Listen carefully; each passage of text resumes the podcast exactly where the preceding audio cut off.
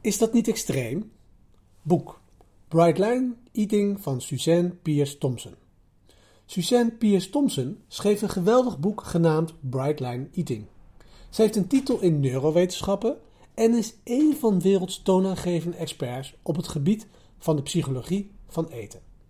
Vroeger was Suzanne verslaafd aan cocaïne en voedsel en eigenlijk al het andere. Wat haar een heel mooi gezichtspunt geeft om te praten over hoe je van een verslaving kan herstellen. In haar boek en programma passen de heldere lijnen van wilskracht toe. Haar top 2 heldere lijnen voor eten zijn verwijder suiker en bloem. Verminder ze niet en eet ze niet matig op, nee, nee, nee, verwijderen. Suzanne laat ons alle redenen zien waarom die eetbare, op voedsel lijkende stoffen meer als drugs gedragen dan als voedsel werken. En ze wijst op de verwoesting die ze in ons lichaam veroorzaken.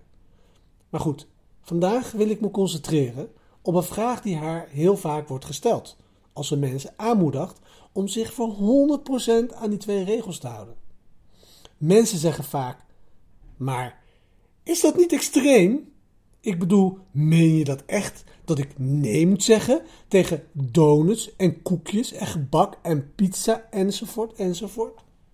Is dat niet gewoon bizar extreem? Nee, zegt ze.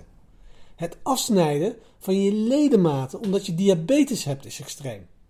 Op een dinsdagmiddag in het ziekenhuis worden ingecheckt en vervolgens de helft van je maag verliezen naar een maag-bypass-operatie, omdat je een kankergezwel nabij jouw alvleesklier hebt dat een ernstige bedreiging voor je leven vormt. Dat is extreem. De microles van vandaag is: verwijder de suiker en bloem. Tenzij je denkt dat het te extreem is en je liever het alternatief verkiest.